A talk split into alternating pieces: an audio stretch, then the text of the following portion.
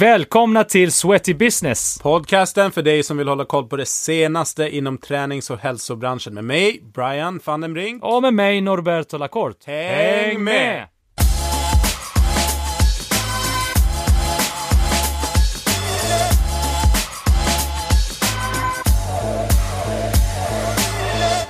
Dagens avsnitt presenterar vi i samarbete med Ljudbank som är ljudproducenter, en ljudstudio som ligger på Söder i Stockholm.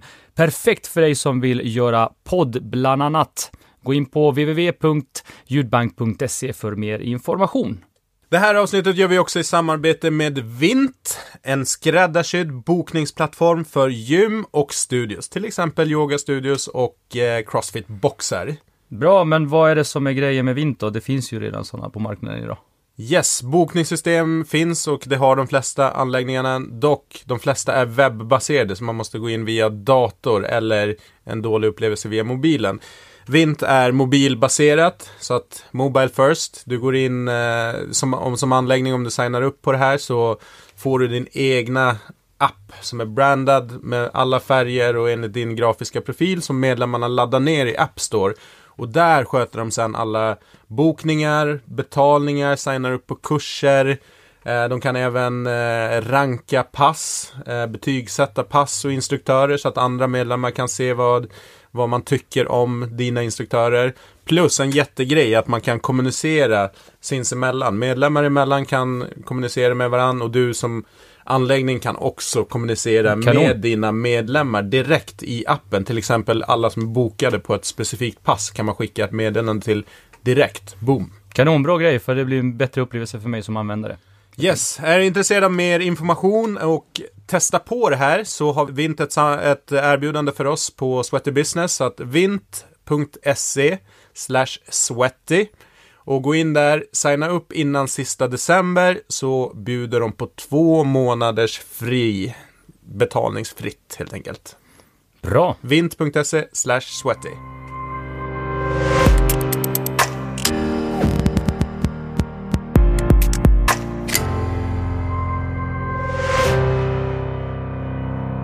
Med oss idag har vi då Johanna Barvelid som är före detta landslagsspelare i hockey. Personlig tränare, projektledare som älskar att ratta stora event, Excel och struktur. Här får vi lite skön eh, känsla för vilken typ av människa du är. Eh, lyfter gärna tungt och käkar mat som går rakt ut i biceps. Vi har också med oss eh, Klara Fröberg eh, som är PR-konsult. Personlig tränare. Älskar att nörda ner sig i forskning och, och sånt. Vinklar, digitala lösningar. Eh, och har då förkärlek till bänkpress. Och att lyfta upp kvinnor. Välkomna säger vi till Styrkebyrån som består av Johanna Barvelid och eh, Klara Fröberg. Hej, hej. Hallå! Tack. Brian är också med i studion. Jag är med. Det blev ju lite långt, det är så när vi har två stycken personer med oss i studion. Mm. Ja, ja det blir spännande. En duo möter en duo. Så att, eh, vi, Ja, men vi, känner, vi känner redan att ni är en duo. ja. Jag märker skönt. det på lite de här små tjafsen som vi också har. Ja. Ja, det, det ska man ha, det är lite dynamik, det skapar dynamik. Hörni, vi vi ställer alltid samma fråga till alla våra gäster. Vi börjar med eh, Klara. Mm. Hur gammal är du? Jag är 37. 37 år Mm. ung. Ja, 80 exakt. Mm. 80 ja. Samma som jag. Sådär ja, ni kan räkna också, det är fint. Det är så skönt, jag bara, hur gammal är jag egentligen? nu har Johanna fått tänka ett tag, hur gammal är du? Jag är 83, hur gammal är man då? Ja. Bara 34 barnet? är jag, precis. Bara barnet, Jag är bara barnet. Men jag håller redan på att planera Johannas 40-årsfest. Då ska vi nämligen boka in Orup. Oj, Mm, mhm. det där, sådär ja. Ja, Favoriten. Favoriten Orup. Nej, nu var det GES är det väl ändå? Det ska Ah, hela ja. gänget. Nej men ja, nej precis, jag har fått någon typ av, min musiksmak är tydligen rätt sågad, både i studion och av Klara, men Men det är helt okej. Ja. Det är helt okej. Det är okej att vara annorlunda. Hörni, ni driver ju Styrkebyrån tillsammans. Mm. Eh, som fokuserar då på att lära människor att träna, men också jobba en hel del med kommunikation. Mm. Eller hur? Ja, eh, vi pratar lite om att kalla det för en hybridbyrå. Men Mm. det kanske är lite töntigt, jag vet inte. Det är en lite schizofren uppdelning som egentligen började i att vi har ju båda de här kompetenserna och intressena. Kan Mm. vi inte köra båda? Jo, Just det. och så gjorde vi det. ja. Mm. Och ni är ju poddkollegor till oss. Mm, Så ni har en podd också då, som heter Styrkebyrån, mm, eller hur? Bra. Vi kommer komma in på det. Men lite grann, eh, backa tillbaka, vi börjar med Klara. Mm. Eh, lite grann sådär bakgrund, hur kommer det sig att du kom in på det här med, med träningsbranschen? För det är ju ändå där ni befinner er någonstans nu. Ja, till skillnad från Johanna så är jag inte uppväxt i att vara en tränande, jättetränande person. Jag har alltid varit en glad motionär, men jag är, jag är uppväxt i en förort till Stockholm. Och ehm, egentligen har jag varit en sån person som inte var med på gympan, Mm. skolkade väldigt mycket, valde att börja röka istället. Mm. Det var liksom där när man började högstadiet som man skulle välja. Antingen skulle man vara Fistbump. Den är svår att tolka i radio. Det var en fistbump vi gjorde nu. Ja, men antingen så kunde man bli den här sportpersonen som hade bra betyg eller så kunde man Ja. bli en tuffing som rökte och stökade och det gjorde jag. Ja. Så jag höll nästan inte på att komma in på gymnasiet. Eh, hamnade på teaterlinjen för där kunde jag komma in. Ja. Det var ett lågt snitt. Det var sifferbetyg på den tiden. 2 och 0 tror jag att jag gick ut högstadiet med. Yay mig! Mm. Just det. Eh, hamnade i teatervärlden och sen höll jag på med film ganska länge. Men sen så började jag själv träna aktivt ganska mycket. Mm. Och det intresset växte och växte. Och sen så blev jag och Johanna ihopkopplade av Lofsan, Lovisa Sandström. Ja, just det. Som var med i podden för några avsnitt sedan. Ja. Mm. Och hon sa, ni borde hänga tillsammans. För Johanna, du kan pusha på Klara lite och Klara, du kan lugna ner Johanna lite. Men Johanna, du började ju då alltså med hockey ganska tidigt, eller? Ja, alltså jag är ju den här, vi har pratat om det rätt mycket jag och Klara, att jag är ju den här personen som hon hatade när hon gick i skolan Mm. och som stod längst fram, som var snabbast i intervallerna och som älskade idrott och liksom, liksom uppväxt i Gnesta, ett litet samhälle där det var liksom, det var liksom idrott som Det var är det också en stora. förort i Stockholm kan man Det är säga. en förort, ja, eller ett samhälle. Nej men liksom, och har ju haft den här idrottsvägen liksom, vägen hela, tränat mycket på hög nivå. Det har varit det enda som har gällt, liksom, träning fredagar, matchhelger och sådär. Så att jag har ju spelat hockey och eh, ja, ehm, gått den vägen, alltid älskat träning och alltid varit så här, någon gång ska jag jobba med träning. Det är väl liksom, där någonstans eh, grundar sig väl mitt intresse i det och alltid varit lite mera jämfört med Klara, den som bara kör på och hon är mer så här, nej men vänta Johanna, om vi gör så här istället. Alltså så att eh, där någonstans när vi började liksom eh, umgås så såg man ju våra olikheter och hur vi liksom kunde komplettera varandra, vilket tror jag gjorde också att det blev så bra i liksom våran relation. Mm. Innan vi lärde känna varandra så var jag rädd för Johanna. För vi, vi hade ju då gemensamma kompisar, vi umgicks båda två med Lovisa. Och. Lovisa, Lo- hennes, en stor talang som hon har haft som personlig tränare är att hon har bjudit in alla i sina eh, i sin närmsta krets Ja. och sagt kom på det här, kom på det här, kom på det här. Så har hon dragit igång events. Hon har byggt upp en liten sekt. Eh, exakt, ja. och nu är den ju inte liten, nu är den ju liksom nationwide. Ja. Eh, men vi var i den första kärnan och då träffades vi på olika event. Och då var det ju som Johanna sa nu, Johanna stod alltid längst fram och så kanske det var något så här löpevent med så här äh, mysiga mammor eller någonting. Då stod hon längst fram och hade det här beast mode-looken och bara nu kör vi! Och så dundrade hon fram så här på kullarna, jag kommer ihåg i Tanto en gång och jag bara gud den där människan är helt livsfarlig. Men du rycktes med liksom? Jag rycktes med och sen så minns jag inte hur det var, men vi bestämde oss för att gå PT-utbildning tillsammans. Och då började vi dricka kaffe på tunnelbanan Hur länge sedan är det här? När gick ni ut PT-utbildningen? Tre år sedan. Ja. Ja. Men jag tror också det började ju med att båda var ganska, vi jobbade ju, vi har haft gemensamma kunder när båda jobbar inom kommunikation. Alltså. Ja. Och då så blev det också så här, så vi liksom hade viss liksom, kontakt där. Och sen så började båda vid samma tid känna att vi var ganska så här, vi ville göra någonting annat. Och så båda sa väl egentligen upp sig ganska lika, lika, lika samtidigt. Mm. Och sen så bestämde oss för att ja, men vi satsar på det här med träning. Och sen så där började det någonstans. Och sen när vi väl började med träningen så föddes där också, men vänta, det saknas någonting inom träning. Alltså kvinnor som lyfter tungt, eh, inte bara som sitter med någon en kilos hantel liksom i sporttopp på bild, utan något på riktigt. Liksom. Och det här tycker jag personligen är helt fantastiskt. Eh, en av de stora anledningarna till att vi fick upp ögonen för er eh, är ju det. Mm. Och vi kommer ju komma in på det. Mm. Eh, vi kom fram till att det är, Johanna är Brian och jag är Klara. Liksom. Mm. Lite så. Du är, li- du är mycket mer strukturerad och sådär än vad jag är. Och, Ja, då blir det något, eller jag vet inte, var inte du som bromsade in och...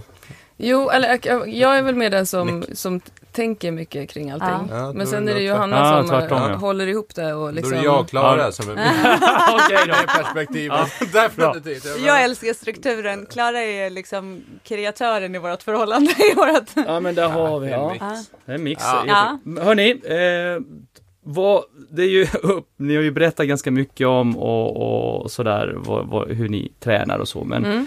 Träningsfilosofi i allmänhet, om vi går in på det. Mm. Vi kan ta det individuellt. Vi börjar med Johanna den Ja, här vad gången. härligt. Ja, Ja, det är lättare för lyssnarna. Så här, Ja, Johanna, Johanna, det gör det. Eh, nej men eh, träningsfilosofi är ju generellt det här med att bli stark i hela kroppen och att våga lyfta tungt, eh, släppa fokuset på utseendet, alltså liksom i det här med viktpratet. Eh. Mm. Alltså det är ju verkligen så här, träna för att bli stark, få en hållfast kropp som håller hela livet. Tror du att det har varit lättare för dig att komma in fram till den träningsfilosofin i och med att du har hållit på med hockey? Alltså jag vet inte, jag, det är ju rätt spännande för man kan tänka så här att eh, hockey, det har ju all, det är väldigt, så länge jag höll på med hockey så var det väldigt obrytt över kroppen. Mm. Men när jag slutade med hockeyn så blev ju helt plötsligt kroppen något helt annat. När man började träna på gym Ja. så insåg man precis, jag gick ju verkligen från en värld som var så eh, obrydd om utseende här, till att liksom gå in i en gymvärld, flytta till Stockholm, eh, de stora gymkedjorna där allt var utseende. Alltså, så att den, den resan känner jag nog ändå att liksom man har varit och snuddat där i så mycket och Ja. fokuserat på, när, man, när jag fick mitt första barn efter det så hade jag också en så här, jag skulle bara gå ner i vikt. Så att jag har gjort den resan, att liksom legat på så här låg kaloriintag, varit liksom väldigt smal, eller liksom som många upplever då väldigt deffad. Eh, och från den liksom tagit mig ut från det och känt att så här, det här är inte meningen och här är alldeles för många människor. Eh, så att jag tror att det har liksom växt fram eh, eff- liksom, utefter den tid jag har hållit på. Att eh, fasen, det är så ovärt att vara där för att det är inte så jäkla kul.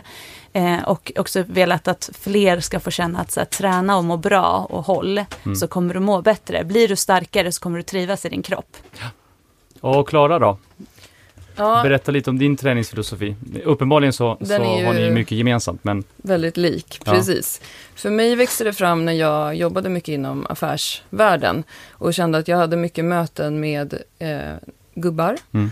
och var fortfarande nu, eh, trots att jag då inte har fyllt, eller jag är ju nästan 40 snart, Mm. så är jag ju fortfarande betecknas ju som ung när det gäller business. Mm. Var på mycket möten, eh, blev tvungen att prata för min sak och kände att känslan av att jag var stark i marklyft mm, hjälpte mig mentalt. Och sen har det ju blivit också, vi kommer ju Bra hela tiden tillbaka intressant. till det här, jag och Johanna, när vi håller våra utbildningar, när vi träffar kvinnor, att öka ditt max. Mm. Öka din maxstyrka så kommer du öka din uthållighet, du kommer ha lättare att få en mer atletisk kropp, du kommer känna mentala eh, skillnader i, eh, i all din träning. Men precis, men är det så att du känner då att din fysiska styrka hänger ihop med lite grann både din självkänsla och självförtroende? Ja, absolut. Ja.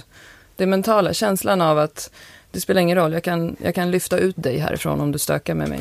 Eh, Eller hur? Ja, Det brukar, alltså, jag kan dra paralleller till hur jag känner, så här, ja men jag vill känna mig atletisk. mm, Jag vill känna mig stark och hyfsat smidig. mm. Då vet jag att, ja men, då klarar jag av allt. Så fort Mm. jag inte känner mig så, så, ah, då mår man inget vidare. Ja men exakt, och jag minns att i början när du och jag tränade ihop Johanna, innan vi hade den här kunskapen och flera år innan vi faktiskt sen utbildade oss, Mm. då gjorde ju vi sådana här pass tillsammans på gymmet där vi körde eh, liksom pressar på boll, eh, supersetat med burpees Mm. i en timme. Och sen undrade vi varför vi inte fick något resultat av det. Varför vi kände oss klena, varför vi kände oss urlakade, varför vi inte orkade, varför vi eh, ja, helt enkelt var svaga. Och det var ju också för att vi inte hade den kunskapen. Nej. Ja, och den kunskapen har vi liksom missionerat ut, tror jag, väldigt mycket till vår målgrupp. Vi Ja. pratar om det hela tiden. Öka ditt max. Ja. Häftigt. Men eh, ni gick eh, PT-utbildningar och började jobba som... Började ni på Lofsan-studion direkt eller hur? eh, Nej, alltså, vi hade- PT-yrket? Eh, Jag började på ett gym som heter Rosa Skrot, där Ah, det bara är det. eh, kvinnor som tränar. Mm. Eh, Så där började jag och eh, Klara började ju, du började också som egen i en... Mm, jag hyrde in mig på Östermalm, eh, på ett ställe som heter Elite Rehab. Mm. Mycket naprapater och sådana där. Och Just stod där det. själv Ja. eh, och tänkte, hur ska jag få hit kunder nu då? Sofia och gänget. Grenevall. och- Exakt. Ja. Mm. Precis, och det var ju via några gamla lärare till mig som sa ja, men, eh, du kan komma hit. Mm. Men då kände jag också, jag måste ju ha en marknadsföringsstrategi. Det är ändå det jag jobbar med också. Eh, Mm. Och då tänkte vi, vi startar en podd. Ja. Men det är superhäftigt. Det här med kvinnor och träning. Mm. Ni har ju gått in på det lite grann varför och sådär. Men eh, liksom eh, de flesta PT-erna väljer ju, särskilt tidigt i sin PT-karriär, eh, tar ju typ alla kunder de, de får Mm. på sätt och vis. Nu har ni valt eh, kvinnor som mål, målgrupp och jobbar med det. Berätta lite varför Ja. och vad det är som är så spännande Ja. med det ur ert perspektiv. Alltså som för mig blev det ju för en början, från en början så eh, jobbade jag ju på ett ställe där det bara var kvinnor som tränade. Eh, och då, det var liksom då så började det det här med att, alltså jag ska säga att jag tror och tänker och vi tror jag talar för oss båda att man behöver också våga eh, specificera sig för att idag, det, alltså det finns så många som jobbar med träning eh, som är liksom som tar allt. Och ju mer man vågar specificera sig och säga så här, det här är vi bra på, det här är, vi, liksom, det här är våran grej. Eh, desto tydligare blir det också för en kund att komma och veta så här, vad är det jag vill ha. Eh, så det är väl en, en, en del i det skulle jag säga. Men sen är det också att vi, när vi sen gick vidare till Lofsan-gruppens studio, så Lovisa Lofsan Sandström är ju också, har ju varit väldigt fokuserad och är väldigt fokuserad just på kvinnor. Just så det. någonstans började ju det där. Eh, sen har vi haft lite manliga kunder också. Eh, Mm. Och man får vara man i studion också där vi jobbar. Får man det? ja, det var man. Man får vara vad man vill, man får Varför? vara icke-binär. Ja. Ja. Men, eh, nej men, så att, eh, men däremot så när vi startade podden så var, så var det ändå våran utgångspunkt att det här är något som saknas. Lyfta tungt för kvinnor, alltså där kvinnor fokuserar på det tunga. Så um, därav liksom blev det våran, liksom, ja det blev våran uh, USP tänkte jag säga. Ja, men det känner man. Alltså, när, när man lyssnar på er podd, jag lyssnade på ett avsnitt nu eh, innan ni kom. Mm. Eh, och eh, det är ju väldigt mycket, eller i alla fall det jag tror att ni förmedlar, eller den känslan jag fick, det är ju det här, för ni pratar lite grann om, ni får frågor om hur man får fram magrutor och, Mm. och så vidare. Och ni pratar ju om storarm och ni pratar om att, ja men lyft tungt så kommer resultaten på köpet, lite grann så. Det Mm. känns otroligt skönt och befriande. Mm. Och det ska ni ha cred för. Vad Tack finns det så här generellt då, ur ett perspektiv manligt, kvinnligt? Vad, vad finns det för grejer med träna just kvinnor som kanske inte gemene Peters tänker på? Jag har lyssnat också på några avsnitt där ni pratar liksom om ja, men vissa grejer som, som kan dyka upp som man, så hajade jag själv till som gammal Peter att jag inte ens har reflekterat över eh, vissa saker. Men har ni några sådana här grejer som bara, "Ah, men det här är jäkligt stor skillnad på att träna en kille och en tjej? Det, är- så egentligen är det ju inte så stor skillnad att träna en kille och en tjej. Vi brukar säga att vi tycker att kvinnor borde träna som män Mm. och män borde träna mer som kvinnor. Det vill säga kvinnor borde träna mer, bänka mer, bygga överkroppen. För kvinnor kommer ofta till oss och vill bli bättre på marklyft och om de börjar bänka mer så kommer de bli bättre på marklyft. Medan Det- män kanske borde satsa lite mer på leg day.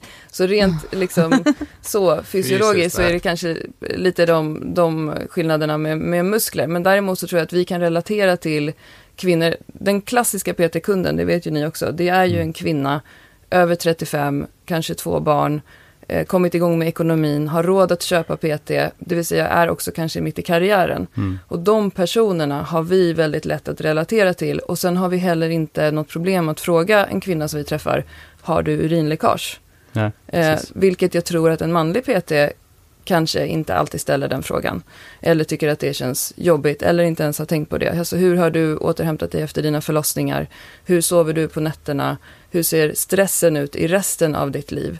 Det här är inga personer som man kan ge ett kostschema till och säga ät så här, träna så här så kommer du bli jättebra. Utan Mm. snarare handlar allting runt omkring deras liv Mm. i hur eh, träningen kommer att bli. Det är väl snarare kanske då så att det är just det som är problemet, att vi tenderar till att behandla eh, män och kvinnor olika Mm, som personliga tränare, för vi har vissa föreställningar om att det ska vara på ett visst sätt. mm, Det är klart att det finns skillnader, precis som, som, som Brian frågade här, det finns ju vissa skillnader som är påtagliga.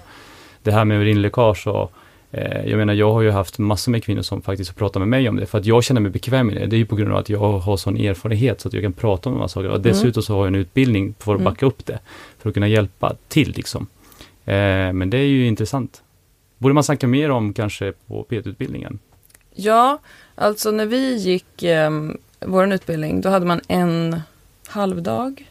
Var det något sånt? Ja, man jag tror pratar det. om, om till exempel det här med föda barn och kvinnokroppen och sådana saker.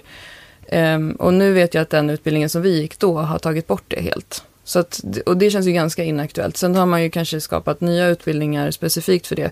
Men alltså även en man efter 40 tenderar ju att ha urinläckage. Ja. Och eh, en person som har haft ett tryck mot bäckenbotten, en man har ju också en bäckenbotten. Mm. Så att det är, sådana saker kan man ju absolut lyfta upp Mm. och jobba mer med. Alltså knipträning borde ju alla göra. Men jag tror också att generellt det här med att när man har fått barn också, dels som, som sa, att vi kan relatera till det. Vi har själv fött barn. Sen behöver man inte ha fött barn för att vara duktig på det, för det, så är det ju med allting. Men jag tror också just det här öppenheten och att våga det blir ju väldigt, alltså när vi har våra kunder, det blir väldigt, eh, eh, vad ska man säga, intimt och privat när vi är i en studio. Vi kan, Mm. De kan träna i bara sporttopp, vi kan titta på magen när de rör, alltså jag tror mycket handlar också om det här äh, intresset i människor. Mm. Alltså att se till att varje, möta varje människa där de är idag eh, och utgå ifrån det, att inte hela tiden se, för många gånger den typen av kunder som kommer till oss har ju en annan målbild än vad man kanske landar i. Mm. Eh, och så är det såklart med alla kunder, men jag tror att där är vi väldigt noggranna med att hitta först, liksom att klara av de här sakerna som är den svaga länken, kanske en mage som inte har gått ihop eller som har problem efter en förlossning, eh, eller en bäckenbotten som inte funkar. Eh, och där tror jag tyvärr att det är en jättestor brist idag. Eh, generellt. Och det behöver inte bara vara manliga kunder, för det finns säkert jättemycket manliga kunder, och, eller manliga mm, eh, PT som är jätteduktiga på det, men det finns en brist där idag. Mm. Eh, Och många kommer ju till oss och har tränat med eh, PT länge och som har jätteproblem. Och så, så ser man att det här är, grunden i det här är att du inte har någon kontakt alls i din mage till exempel. Mm. Eh, Så där tror jag att det liksom, vi har ju också velat lyfta det i våran podd, att det här Ja. våga prata om det, så här, prata om uri- urinläckage, prata om funktionen i magen, inte bara skrämma upp alla eh, gällande magmuskeldelning, för det är ganska hett just nu att man Ja. pratar om delning och delning och delning, men man pratar inte om funktion och vad, liksom, hur, man kan, vad, hur man kan tänka.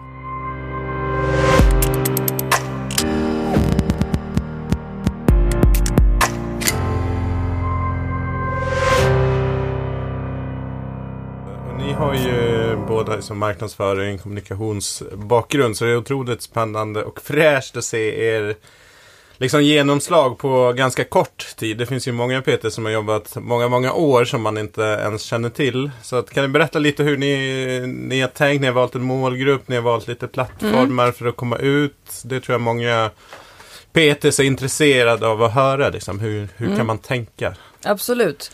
Och det tror jag är, som du säger, så är ju grunden till att vi har haft ett genomslag, att vi har haft en, en strategi. Det är inte helt eh, taget ur luften. Men, och vi brukar vara ganska noga med att säga också att vi har inte jobbat med det här i 15 år. Och det vi säger är liksom inte raketforskning heller, utan vi bygger allting som vi säger på vetenskap eh, kring att eh, hur du ökar din maxstyrka, då gör du så här.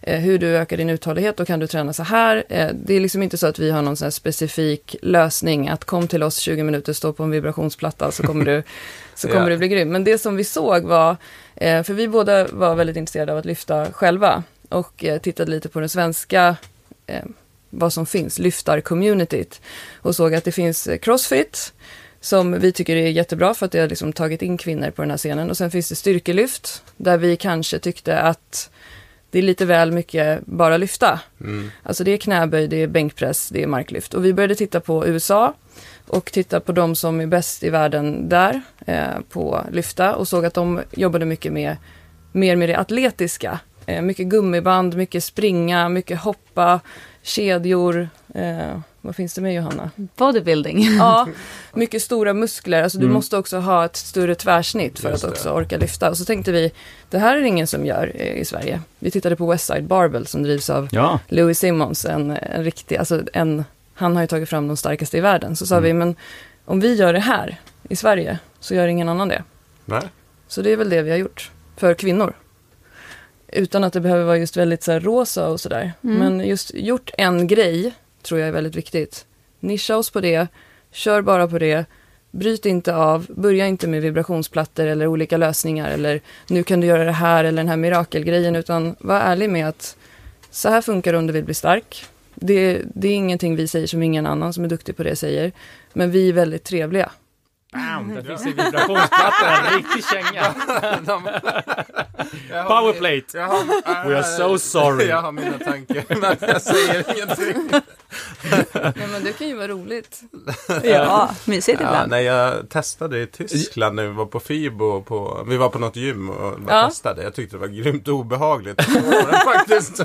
Nej, men snarare så är det väl det här, eh, alltså jag bor väldigt nära ett gym, jag ska inte säga vad de heter, jag bor granne med det och eh, en annan poddkollega till oss som också har en podd om träning brukar skämta om att checka in på det gymmet med, Mhm. med lite andra bilder. För de säger så här, kom till oss, träna hela kroppen på våran vibrationsplatta 20 minuter. Mm. Det är allt du Ja. behöver. Ja. Det är all träning du Det är behöver. som att träna 90 minuter med och så räknar, vikter. ja, och så riktar de sig till kvinnor. Och sen Okej. gör de även energibalanseringar. Men det här är ju ett Ja. problem. Det är ju ett jäkla Ja. problem det här just att man, man har skev marknadsföringsstrategi. Eh, Mm. man lovar någonting och sen så hakar alla på, det blir lite av en trend och sen så blir man jävligt besviken för att det funkar liksom inte. Ska du, ska du få resultat, lyft tunga grejer så kommer, jag håller med, alltså så kommer det hända saker liksom. Mm. Så är det. Ja, men och sen också det här att vi försöker ju säga, vi säger det till våra kunder, du kan göra det här själv. Alltså, Mm. Det här, är liksom, här har du en, en liksom, träna, träna hela kroppen, lyft tyngre än bara liksom de här lätta hantlarna, Mm. ät vanlig mat, så Ja. kommer det hända grejer. Alltså Mm. det är inte konstigare än så. Nej. Men eh, som du säger idag, det är så mycket som är så här, gör så här, eller den här snabba dieten så kommer du hit, eller tappa det här, större rumpa på tio dagar. Alltså det är så mycket hela tiden. Precis. Och det är inte så lätt att sortera tänker jag heller. Och Nej. därför så behöver ju de här personerna också få liksom så vägledning i Ja. det.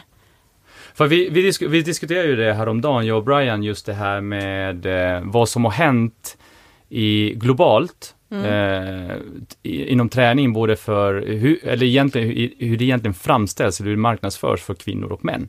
Vi pratar om det här att strong is the new skinny, det kom ju i samband med att crossfit börjar bli lite, eh, lite större och det har ju gjort, crossfit har gjort väldigt, väldigt mycket gott på den liksom, delen. Absolut. Eh, helt plötsligt så ser vi faktiskt tjejer som kommer in i gymmet, vågar lyfta tunga grejer, kasta omkring tunga grejer, frusta och liksom svettas och det är så jäkla befriande, jag älskar det.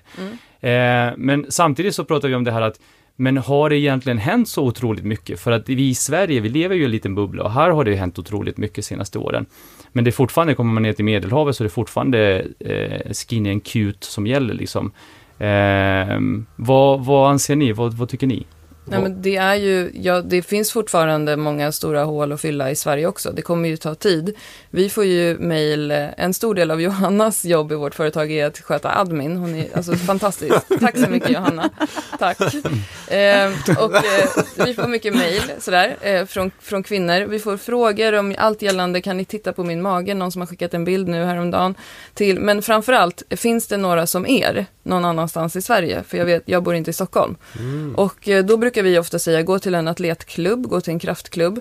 Men om sanningen ska fram så finns det oftast inte en person, alltså resurser, det är ju den ideella världen, Mm. till att hjälpa folk på, på, på liksom ett individuellt plan med att lyfta. Så att eh, alltså, man behöver inte titta utanför Sverige. Det finns, här finns det inte heller eh, den typen av nisch jättestort. Det kanske är så för att vi syns lite grann själva Mm. i sociala medier. Men om, om du bor i Karlstad så eh, har jag, känner jag kvinnor då som har frågat mig, var ska jag gå för att träffa någon som kan lära mig att bänka? Mm. Eh, Så ni som eh, här vill konkurrera med oss, varsågoda. Det finns delar att ta. Ja, men det kanske är så att de borde kanske bli lite bättre, alla dessa föreningar som finns, för det finns ju ett gäng föreningar runt om Ja. i hela Sverige, de borde bli bättre på att få fram sitt budskap. Och inte fastna i det här att, ja, nej, men vi ska inte göra, vi ska inte marknadsföra oss mot den där målgruppen, för då kommer vi inte få in några, för vi vet att de inte är intresserade, vilket egentligen är helt fel. Mm. För att de har ingen aning om vilket intresse som finns där ute och det, det här är ju ett bevis på det, liksom det ni håller på med och att ni märker att det är så otroligt många fler än vad man tror som är intresserade av att Hej, jag är kvinna, jag vill också lyfta tunga grejer liksom. Mm. Ja, det, alltså, det vi är väldigt tacksamma och lyckliga över det. Vi har lika många på väntlista som har fått en plats på en lyftarhelg som är om tre månader. eh, Coolt. som kommer från hela Sverige hit för en helg med oss för att lära sig grunderna i att lyfta.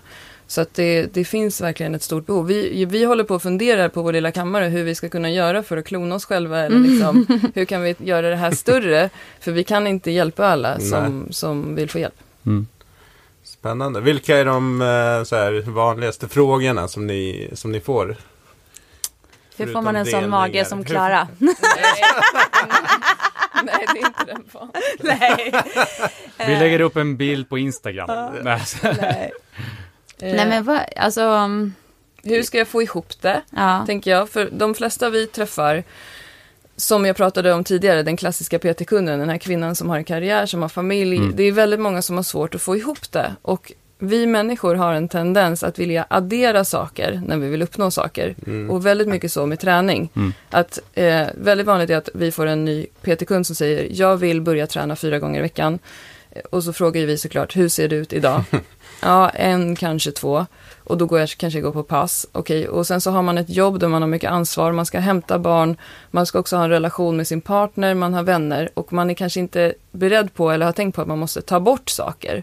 Så jag tror att vanligaste frågan för oss blir lite som Johanna sa förut. Man har en målbild och vi hjälper folk att bena ut att det kanske inte är den målbilden egentligen som du behöver fokusera på. Du kanske ska satsa på att ha två eller max tre kvalitativa pass i veckan där du längtar efter att träna mer istället för att göra den här stora satsningen.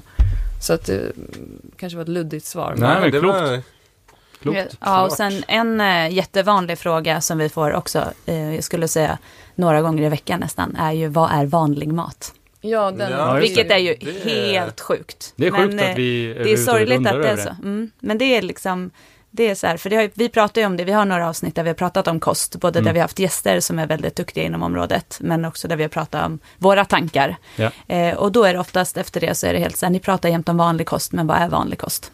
mm. Så det hur är- definierar ni det då, när ni svarar? Eh, Ja men vanlig kost, vi brukar prata mycket om dels det man ser på tallriken, vad det är för någonting. Man ska inte behöva fundera vad innehållet är som Mm. ligger på tallriken. Och eh, just att det är så här vanliga grejer, potatis, ris, pasta, bulgur, quinoa. Alltså Ja. grönsaker som... Fisk, kyckling, Ja. eh, kött, Mm. bönor, vitkål. grönsaker generellt. Potatis. Ja, potatis, det är våran. Potatis. Ät! Den, Potatis har den har fått fått en rykte. revival lite grann nu. Ja. Den har varit i källaren ganska länge. Ja, men det är så larvigt och det är ju på grund av den här Ja. GI-skiten. Att, eh, ja men faktiskt. Och, Ja, det började där och sen så blev det ju ännu man värre med, med paleo och liksom... eh, Ja. och- Du ska ju äta ganska mycket potatis för att det ska bli något överflöd. Ja, vi kommer, Ja. vi, kommer, vi kommer ju ha ett litet avsnitt också om kost där, vi Ja. tänkt eh, med en liten twist framöver. Det blir spännande. För Mm. att det är ju en ständig aktuell fråga liksom, som alltid dyker upp. Och det kommer alltid, Mostly kommer väl ut med en ny bok snart som heter Nej, nej, nej, 5, 2, 6, 1 dieten. Det, är- det är liksom yesterday's news. Nu är det 3, 5 eller något. 3,75. Jag tycker det är intressant att folk hoppar över liksom grundsteget, att börja äta bra mat. Mm. Eh, fick fråga här om veckan på eh, någon kanal, någon in, ah, vilka ko- kosttillskott ska jag, Mm. ska jag ta? Och jag bara, ingen aning. Jag använder inga kosttillskott. Någon gång kanske en proteinshake liksom, men så bara, ja men, är, men käka vanlig mat liksom. Och så bara, skittråkigt svar, så bara, "Ah, ja men jag ska kanske kolla med någon annan. det är så du bara gör det. Ja men, ja, men, Ja, men det där det. Jag är- kan inte rekommendera något Det där är så härligt, just det där, för jag tror många tycker att vi är i många fall väldigt tråkiga, för att vi ger inte de svaren som man vill ha, för att det finns inga quick fix, det finns inte en kortare väg att bli starkare. Alltså, det handlar om att träna och det handlar om att, vi brukar ju, min favorit är ju liksom käka mat som går rakt ut i biceps. Alltså, vill du bli stark, ät grejer som blir bra. Du skulle aldrig tanka din bil med fel bensin, men din kropp Många bryr sig tyvärr inte vad man stoppar i sig. Och det behöver inte vara så krångligt. Det behöver inte vara blommor på maten och bowls och liksom Ha fina vackra... Men det, är- men det är lite grann är så. Pinterest, Pinterest och Ja, Instagram-grejen. alltså, det är ju alltså, så. det är det som har gjort att människor krånglar till och hela hipster, att man ska Ja. liksom, åh, här har jag min surdeg som har stått och, Mm. eh, och det är ju gott som fan. Det är ju Ja. jättegott och det är bra för ögat och det är härligt. Men, men fasiken, det, det är väl, hur många har tid att sitta och eller stå och laga mat i tre timmar liksom. Ja, För att man ska känna att ja, men jag ha- hakar med, jag är relevant 2017 liksom. Ja, men man behöver inte allt det där för Nej. att man ska kunna fungera och för att man ska bli starkare eller för att man ska få den liksom, energi man behöver i sin träning Mm. eller sin vardag. Men det är ju också svårt för det är det vi ser. Alltså vi ser ju de bilderna, vi ser ju allt det här på liksom i sociala medier. Det, det blir ju en bild, eller eller det blir ju någonting som alla ska leva upp till och det blir ju ytterligare stress.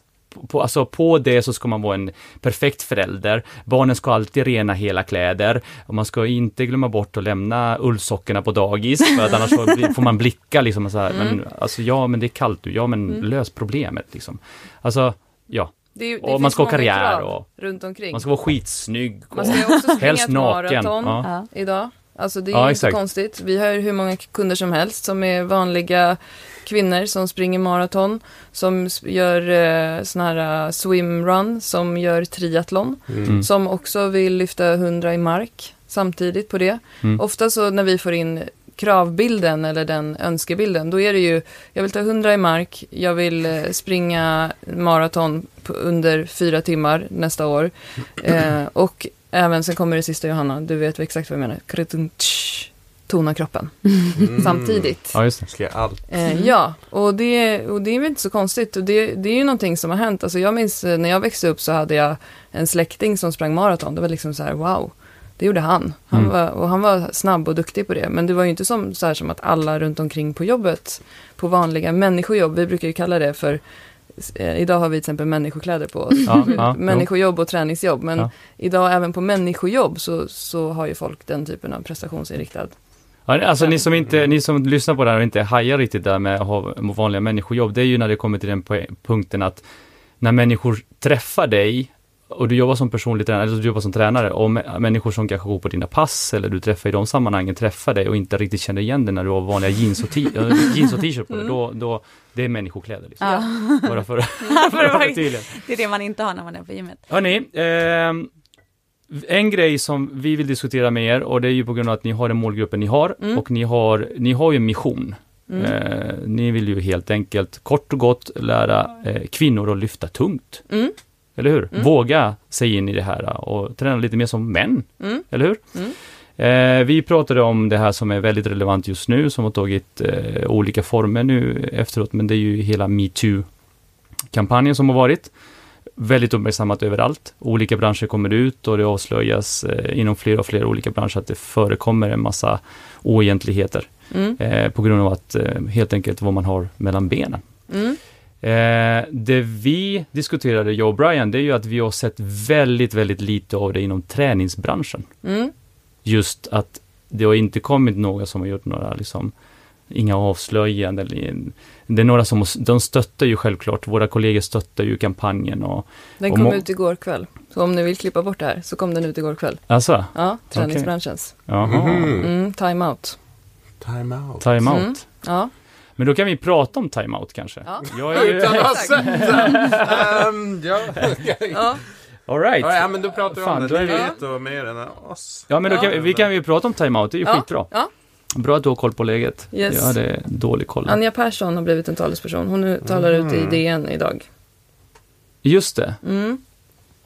det såg jag ju, det var just det. Ja. Fast det är ju idrott tänkte jag på. Ja, ja, ja. ja. Mm. Inte, ja nej, träningsbranschen har ingen jo, egen. nej, men De är precis. med där i. Ja, okej. Ja, tränings... Eh, För att, jo, eh, Mm. vi går tillbaka då. Metoo, vi har sett väldigt lite inom träningsbranschen, med träningsbranschen så menar vi lite grann alltså gym mm. eh, och liksom hela den branschen som vi verkar i. Idrott har ju varit uppmärksammat eh, ganska länge Mm. och liksom pågått och fler och fler avslöjanden har kommit fram. Mm. Eh, så att om vi pratar lite kring det, tänkte jag.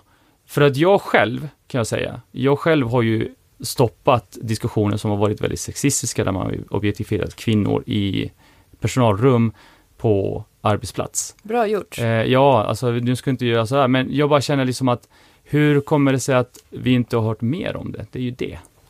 Och varför har det tagit sån tid?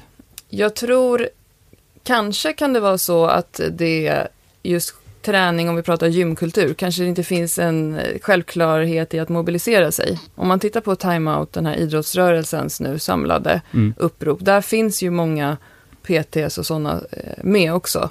eh, så finns det ju en grund i att det finns föreningar, det finns organisationer och, och liksom gymkulturen och PTs och gymbesökare har kanske inte en lika självklar plats. Jag såg dock att även i det här timeout som är för idrottsrörelsen så samlas även supporters, Mm. alltså kvinnliga supporters och pratar om supporterkulturen. Så även publiken är med Mhm. Där i den världen.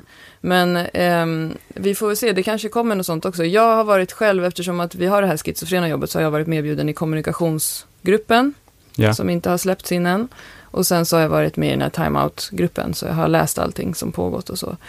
Ehm, men jag tror, och jag tror inte att egentligen att man ska rikta ner det på att det handlar om en bransch eller att det handlar om någonstans, utan det handlar ju om ett strukturellt förtryck i samhället. Eh, Jag tycker Lisa Ekdahl var så skön förra sommaren, hon blev intervjuad av Jan-Olof Andersson tror jag, i Aftonbladet om Så mycket bättre. Mm. Jag för mig att han ville fråga henne så här, blev det något liksom raj-raj där på inspelningen? och då var hon bara så här, men Jan-Olof, patriarkatet kommer falla. Det är bara att hänga på.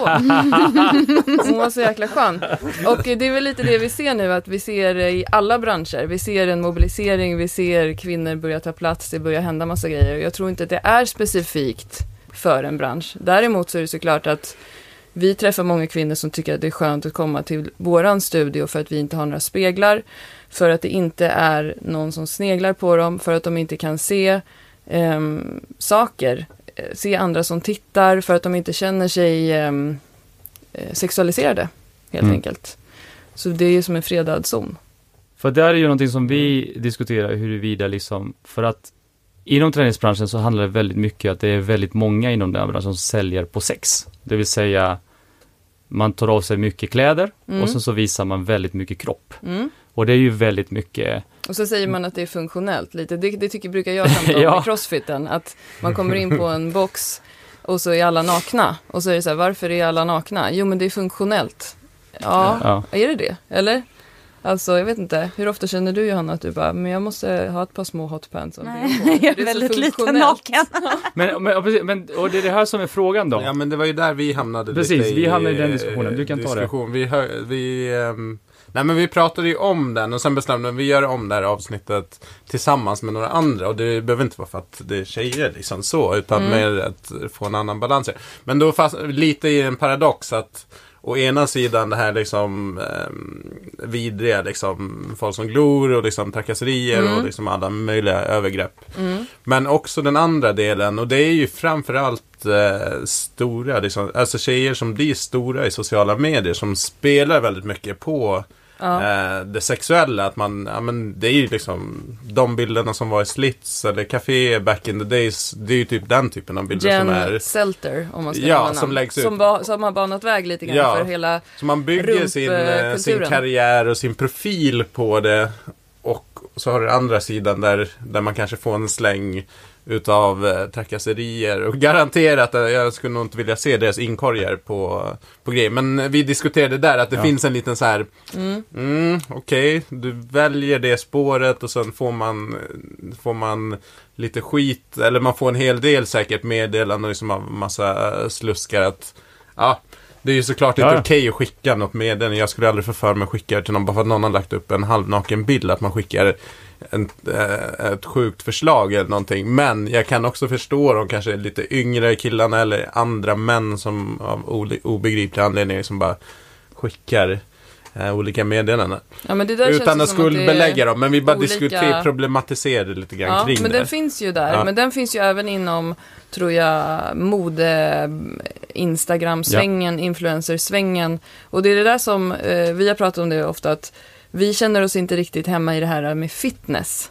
Alltså den, Nej. den delen av träning. Förra året så var ju fitnessmässan, heter det va? Mm, Och, fitnessfestivalen. allt, ja, och allt för hälsan samtidigt. Jag var inte där själv, men våra kollegor som var där sa att när man gick in på den ena och sen den andra så var det som två Ja. olika världar. Och det är, det är ju lite så med träning. Det är hälsa, det är fitness och det är sport. Mm. Och vi, Johanna och jag, vi är lite så här, vilka är vi i allt det här? För att vi kan ju inte ens ta en selfie. Vi brukar. Att vi är väldigt dåliga på det här med att framställa oss på bild och så här olika vinklar och lägga på någon Du kom ju på för någon månad sedan att det fanns filter. Ja, men vem var det utav er som precis eh, hade kommit fram till att man kunde använda stories i Instagram? Ja, det var jag. Nej, men vi, jag tror att vi, Johanna? vi är ju väldigt i det här, så här, vi tar en bild och så lägger vi upp den och så är det inte så mycket reflektioner på eh, liksom, oj, där stod det ju lite konstigt ut. Alltså vi har inte riktigt, vi är inte riktigt där och det är Nej. svårt att relatera. Eh, men för att återkoppla till det du säger så är det ju, det är ju jättestort och eh, det säljer ju såklart. Eh, och, eh, Fitnessporr. Alltså, Alltså, men det finns ja. ju inom alla branscher tror jag också. Ja. Där får man också se det ur ett strukturellt perspektiv. Men jag tror också att det, det som är intressant tycker jag är det, det, är ju, det finns ju i det manliga också. Det är precis lika mycket där som lägger upp bilder när de står liksom och spänner och det är magert. Alltså, och jag tror att där är det inte så att bara för det så skickar kvinnor skamliga meddelanden. Och så jag tror att det är någonstans hela strukturen i samhället, eh, hur vi liksom hur det är om en tjej lägger upp i en sporttopp och ett par hotpants och om en man lägger upp i ett par Ja, shorts bara av Mm. kropp. Alltså, det, jag tror att där är ju lite mera hur vi ser på vad som ger rätten i att, att uttala sig om en kvinnas kropp och en mans kropp. Att vi inte, så det känns lite som att någonstans är det ju problematiken ligger ju mer i liksom hur vi ser på våra kroppar. Eh, men eh, så jag, jag tror att det finns, det finns ju på båda sidor hur vi, hur vi säljer oss. Det, det där är ju sjukt. Absolut. Och precis strukturellt som ni säger, på grund av att det kan ju till och med vara så att om en kille lägger upp en liksom lättklädd bild och sådär, så får den en liksom, skamlig kommentar. Då kan ju killen tycka att det är liksom, fan, blir lite mallig över det liksom. Mm. Och det är ju så här, ja, men tänk på alla dessa tjejer som får alla skamliga, fast de får gånger tusen. Mm. Eh, och det är ju strukturellt, det är ju så för att det är okej för en man att få de, den typen, och de är ju långt ifrån lika grova kan jag tänka mig. Eh, men eh, att det är okej för en man att göra så mot en kvinna, det är ju där problemet ligger. Men om man tittar på det ur ett ännu större perspektiv. Jag som har läst medie och kommunikationsvetenskap har säkert någon av er gjort också. Eh, och Brian. läst eh, feministisk eh, medieteori. Jag har läst en hel kurs där man tittar på framställandet av människor på bild. Mm. Då kan man ju gå tillbaka långt och titta på hur har vi framställt kvinnor i alla tider. Passiva, inbjudande, kurvig kropp ur det här perspektivet. Hur har vi framställt män? Eh, de här klassiska eh, modemansbilderna, Beiron Andersson och vad de hette, står och meckar med bilen, är aktiv, är lite aggressiv. Håller i två däck så här. Ja, jag har koll, jag har makten. Men, Mm. Och det tycker jag är lite intressant då, om man tittar på det här med fitnessporr, då, eller vad vi nu ska kalla det, var jag som kallade det för det. Ja. Där har ju mannen den här klassiska, eh, som man brukar kalla för Lacan, spegelteorin, the to be looked at-ness. Han är passiv och kanske står och tweakar en bicep, är inbjudande. Ehm, det tycker jag är lite spännande faktiskt, nu när jag tänker efter. Kanske ska utforska det mer. Precis, där har ni kanske material till en podd själva. Det finns inte så mycket fitnessbilder på män som just står och så här, när jag hamrar på däcket. Nej. Så, utan då är det ju, det är ju så här, om man kollar på Sats Sofo incheckning, där jag brukar träna, jag tycker det är fruktansvärt kul. Mm. Eh, då ser man ju så här, arm day, arm day, arm day, och så är det någon som står i spegeln och visar sin arm. Ehm, så att, ja, det är Just intressant. Mm. Mm. Men vad kan vi, eh, bara kort innan vi går vidare, för att vi skulle kunna prata om det här hur länge som helst, jag Mm. skulle kunna prata om det här hur länge som helst. Eh, vad kan vi göra för att eh, ja, men förebygga, för att, för att liksom bygga ett bättre samhälle om man ska ta, ja, bättre klimat om man tittar på träningsbranschen specifikt. Mm. Vad har ni för, för tips liksom? Ja, men vårat generellt är ju att vara liksom, vad ska man säga, så ärliga och eh, inte, men så här, vi, jag gillar ju det här liksom, inte lägga på massor med filter, alltså vara det som det är, alltså inte försöka att göra allting så mycket mer än vad det är, utan vara så här, visa bilder på vanlig mat, inte med liksom massor med konstiga saker, visa bilder på vanliga kroppar, alltså försöka att nyansera och prata om det som att att, att, att liksom vanliga, det är vanliga människor, vanliga liksom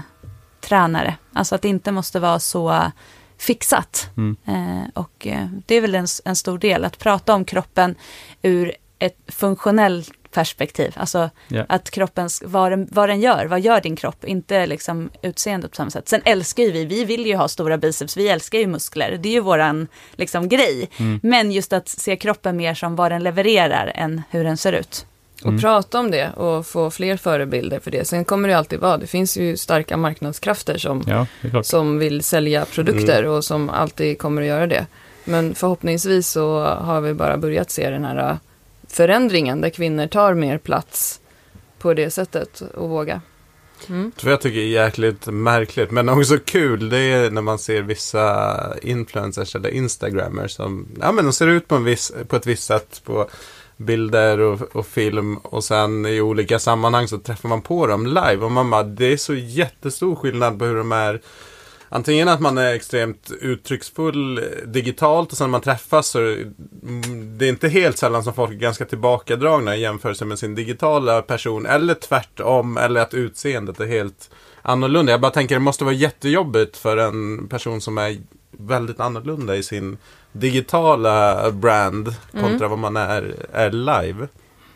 Det där brukar vi också prata om när vi går på events och sådana saker och träffar andra influencers. Så är det jätteofta någon som har lagt ut efteråt så här, oh det här var så kul och det var så roligt, jag träffade de här och de här och så, så här, ja men det var ju den personen som vi såg i ett hörn som satt ensam med sin mobil och stirrade i den Mm. och såg jätteblyg ut. Så, så är, det ju verkligen, vi försöker att vara, jag tror att vi är ganska mycket som vi är. Ehm, både i vår podd och privat. Mm. Ehm, hoppas, hoppas i alla fall. Vi, vi jobbar för det i alla fall, det är det vi vill. Ja. Alltså vi vill vara lika, det ska inte kännas eh, liksom annorlunda att träffa oss eller se oss, utan det ska vara någorlunda att, sen att man tror att jag är Klara och Klara är jag, det, det får man tro. Men just det här att, eh, att liksom vara äkta på något sätt, Mm. att inte konstla till det och bygga Nej, men jag kände nog ingen skillnad på er, eh, vad jag såg i sociala medier och hört i podden kontra, kontra vad som är nu. Men tror ni att det kommer bli en, eh, för det har varit extremt liksom fixat i sociala medier, liksom en drömbild. Tror ni det kommer en, eh, en våg åt andra hållet, att det ska bli mer naket och ärligt, eller kommer det liksom fortsätta med det här drömlika, liksom superliven som många målar upp? Alltså till viss del så tycker jag att man börjar se tendenser till, eh, på vissa delar, att man liksom visar upp det riktiga. Men ja, jag vet inte, det är svårt. Det där är ditt proffsområde, Ja, Klara. men samtidigt så tänker jag, vi befin- befinner oss ju också i en bubbla. Vi befinner oss i våran liksom helylle, flerbarnsmamma, mysiga mediebubbla som är väldigt annorlunda. Och jag kan ju se som har bekanta som har lite äldre barn och kanske tonåringar och vad de följer för saker och vad de tittar på. Så Mm. jag blir också rädd. Alltså, och har, känner ju folk med tonårsbarn som följer sådana här typer av mm, rumpkonton på Instagram som inte har, de har ingenting med träning att göra, men de tittar på sådana saker ändå och, liksom översköljs av sådana saker. Och jag kan ju bli lite rädd, så jag, jag vet inte. Jag hoppas ju att all den här kraften kommer fortsätta nu, att det inte kommer sluta med en hashtag, utan att det kommer sluta med att vi faktiskt ser på ledningsnivå stora förändringar, både inom idrott och inom träning. Bra. Mm. Bra slutplädering eh, plädering där. Ja, Brandtal. Ja, och rant.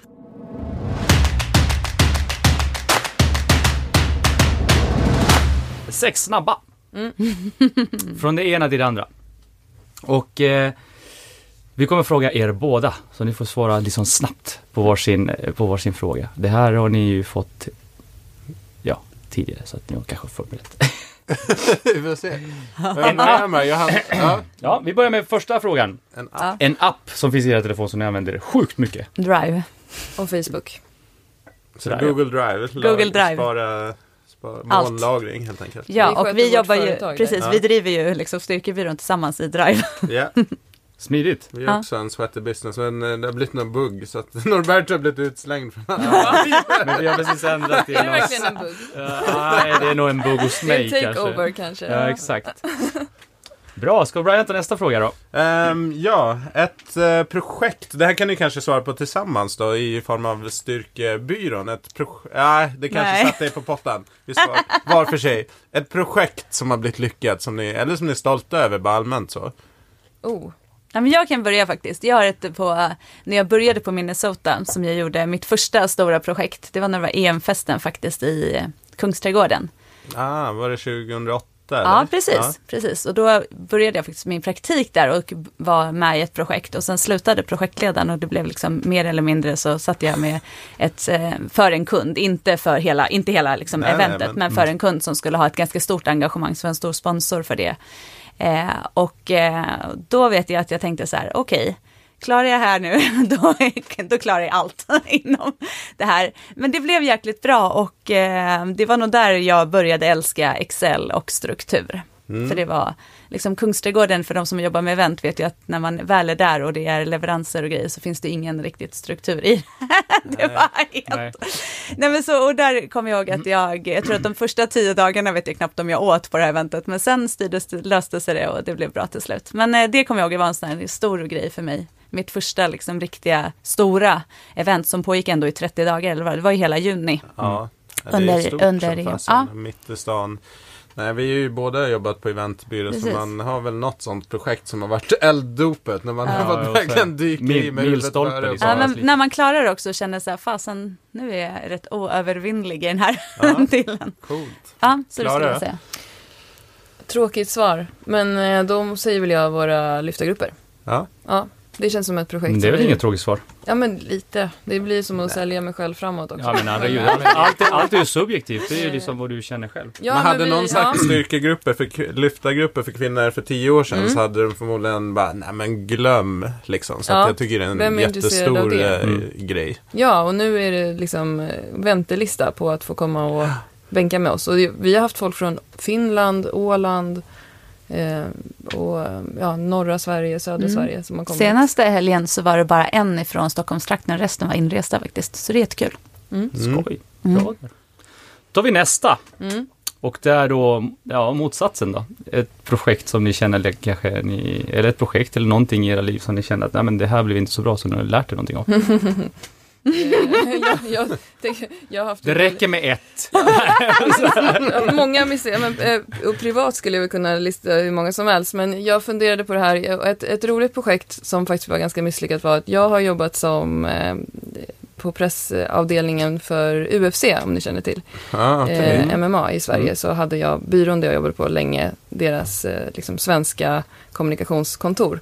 Och då hade vi när eh, när det skulle vara första svenska galan, nej det var kanske andra, jag minns inte, men vi fick en lite så här snabba pengar, vi kom på ett bra projekt, vi ställer en oktagon i Kungsträdgården och så får folk komma in och ta selfies med de här killarna. Okej. Eh, jättedåligt projekt. Ja, jag kan tänka mig. Jag kan tänka mig. Det var ingen som vågade De komma vågade in. inte? Nej. Right. Och Där tror jag också några år senare. jag trodde att det hade gått åt andra Nej, jag hållet. trodde att det blev bara fight. Nej, Nej, det var bara liksom, det var jätte, alltså, ja, vi tog upp deras tid. De stod där liksom, idag så Ah. tror jag att de hade ställt en målare i en oktagon i hade Kungsträdgården. Men det var lite för tidigt, det var innan Tele2 eh, och allting. Så att. Ja, ehm, timingen är ju viktig på Ja, såna stod där och frös liksom en hel dag och det kostade ju en massa pengar och så vidare. Ja, det var ett ganska misslyckat Mm. projekt. Men nu är det ingen som kan eh, kicka ut mig från kontot längre. Så nu kan Nej. jag berätta det. Johanna Ja, jag vet inte. Åh, herregud, misslyckade projekt. Ja. Man, man blir starkare av misslyckanden, men jag vet inte. Jag, jag hade väldigt svårt att komma på någonting. Jag har väl haft några event där man har känt att man har liksom jagat, jagat, jagat och som känns att man har liksom hela tiden har haft uppförsbacke. Eh, det har det väl varit. Men annars så, inte så här så att jag liksom... Jag vet ett, Ah. ett projekt, det var när du skulle ha mysdag med barnen och åka till Sickla och bara handla lite. Och du hörde av dig till mig på vägen hem och bara Säger jag att jag vill göra det här en gång till så måste du stoppa mig.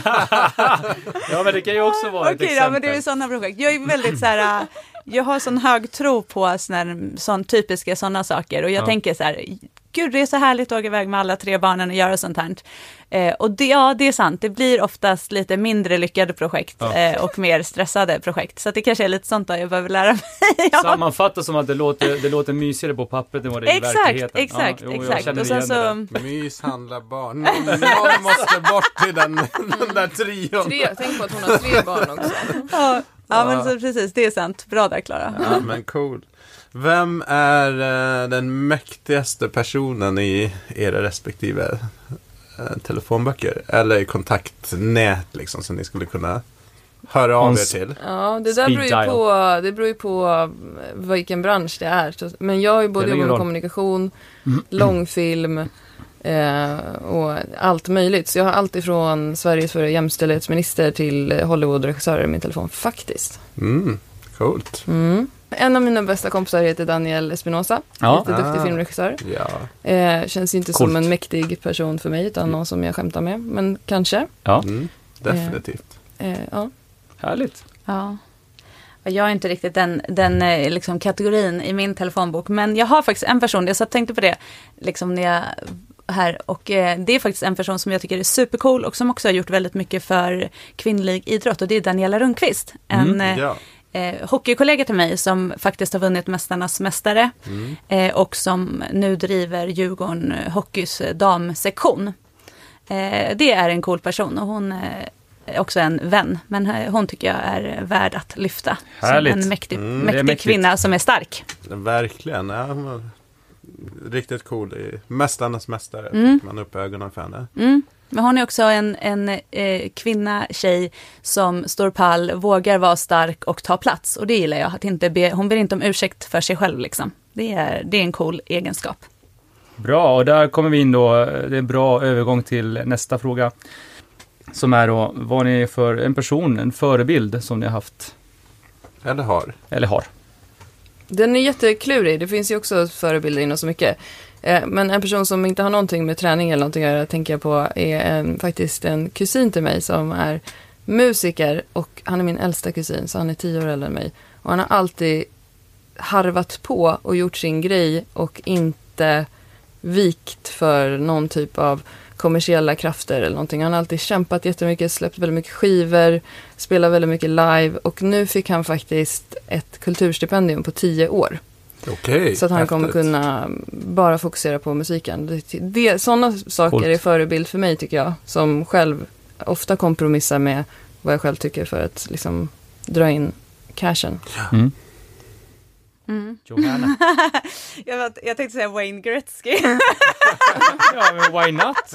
Nej då, men Du är nog inte ensam om du Det- säger nej, Wayne Gretzky. precis. Det är spännande, jag, det är kul för att liksom hela min, så här, bara för ett antal år sedan så, eh, vad heter det, så har ju liksom alla så här, stora hockeylirare och då när jag spelade så fanns det ju liksom inga direkta kvinnliga hockeyspelare att, att se upp till eh, på det sättet eh, som jag hade koll på. Men så min vägg har ju alltid pryds med eh, Mats Sundin, Wayne Gretzky, alltså hockeyprofiler, vilket är ganska kul för det är också personer som har varit, jag har ju alltid sett mig själv att jag kan också komma dit. Ja. Eh, och jag tror att eh, idag så... Är det så Steffi Cohen? Exakt, idag är det amerikanska powerlifters som är skitstarka, som vågar liksom visa när de lyfter tunga grejer, vågar visa muskler. Och jag tror att även om det är liksom personerna i sig är coola personer, så tror jag det jag gillar i det här är just det här, ta plats, var stark, eh, våga liksom, våga göra någonting, alltså gör, våga gå din väg. Eh, där tror jag att eh, liksom, det är det jag ser upp till. Och jag tror att även om de manliga hockeybilderna som satt på väggen så gjorde ju alla det, de gick sin väg. Eh, och idag så hoppas jag, liksom, och jag vill ju vara en sån eh, förebild för mina barn och också för de som jag tränar. Att liksom, tro på dig själv, vara stark och stå pall för resten. Liksom. Coolt. Jättebra. Eh, varsin trend då som ni tror kan slå framöver?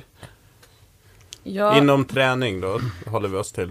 ja, men förra nyårsafton så var det ju många som liksom inom träning också spådde för 2017.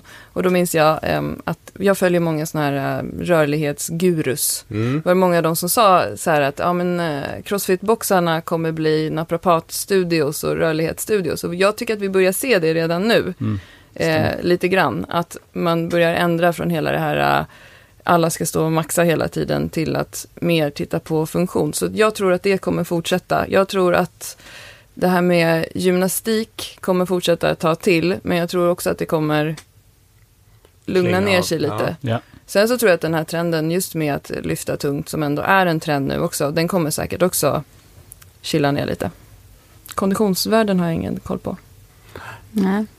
Vad säger du, Jojo Ja. Bear? Jag hoppas ju att vi ska se lite på mer åt det, liksom, alltså just det här amerikanska, att man ser på helheten. Eh, inte bara styrkelyft eller Mm. eh, liksom att springa, utan att man ser det som en helhet. Inte att man måste göra allt, men det, det atletiska i träning. Att det inte handlar om att bara dra liksom, hur mycket som helst i marklyft men inte kunna gå i trappor. Alltså, att, alltså se det atletiska i träning och lyfta tungt. Mm. Mm.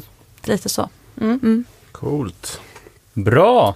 Om ni eh, skulle, eh, nu poddar ni ju själva och intervjuer, men har ni någon annan som ni skulle vilja, om ni skulle vilja lyssna på Sweaty Business ur liksom träning, affärer, har ni några sådana som, ja men det här vore nog intressant att lyssna på? Ja, men jag tror det är faktiskt en person, Daniela Rundqvist. Ja, absolut. Bra tips! Mm. Det är, hon, är, hon är en cool profil och en jäkligt ödmjuk tjej. Vi kör på det. Mm. Grymt, och om man vill eh, följa er, komma i kontakt med er, var är de bästa ställena?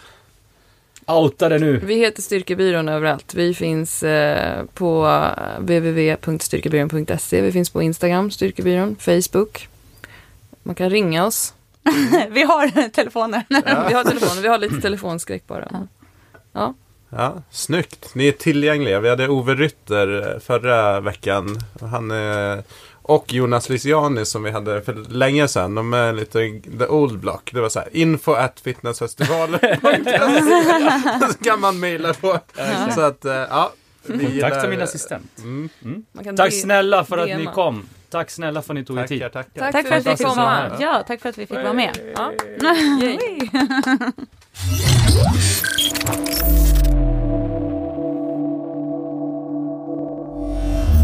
Följ oss gärna i våra sociala kanaler. Facebook, Instagram och YouTube. Du kan också skicka ett mail till oss, sweatybusinesspodd med ett d at gmail.com. Och eh, glöm snälla inte att ratea oss i din eh, poddspelare för att vi ska få ännu högre rating och kunna nå ut till ännu flera.